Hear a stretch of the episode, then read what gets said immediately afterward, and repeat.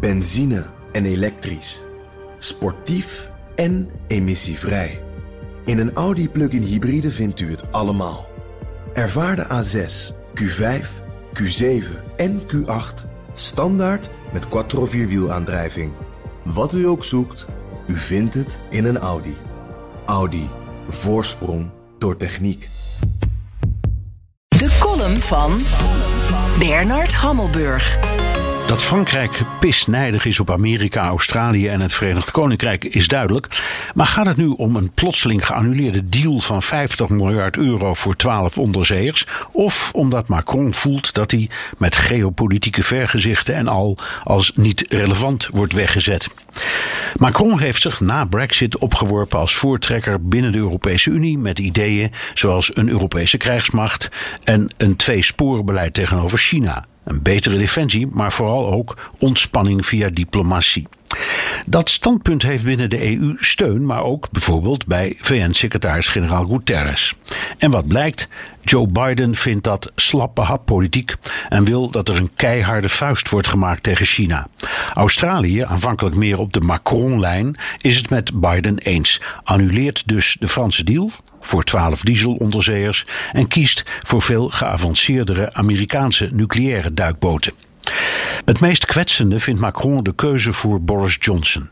Die speelde een hoofdrol in de nieuwe Amerikaans-Australisch-Britse veiligheidsdeal. Als puntje bij paaltje komt, kiest Biden dus voor de Britten en niet voor Europa. Anders gezegd, Macron kan zichzelf na Brexit wel als de grootmeester van de Europese politiek zien, maar Biden ziet het precies andersom. De enige echt relevante macht in Europa is het eiland dat zich van de EU heeft afgescheiden. Het is niet de eerste keer dat Frankrijk woest is.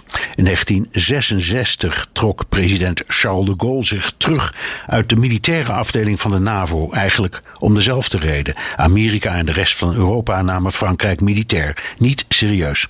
Het zou tot 2009 duren voordat president Sarkozy het lidmaatschap herstelde.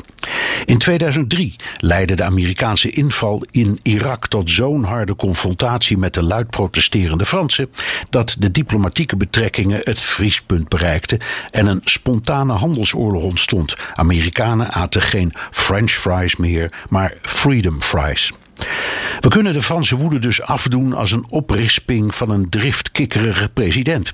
Maar er is ook een breder perspectief, want de Amerikaanse keuze voor de Britten in plaats van de Europeanen is tevens een waarschuwing.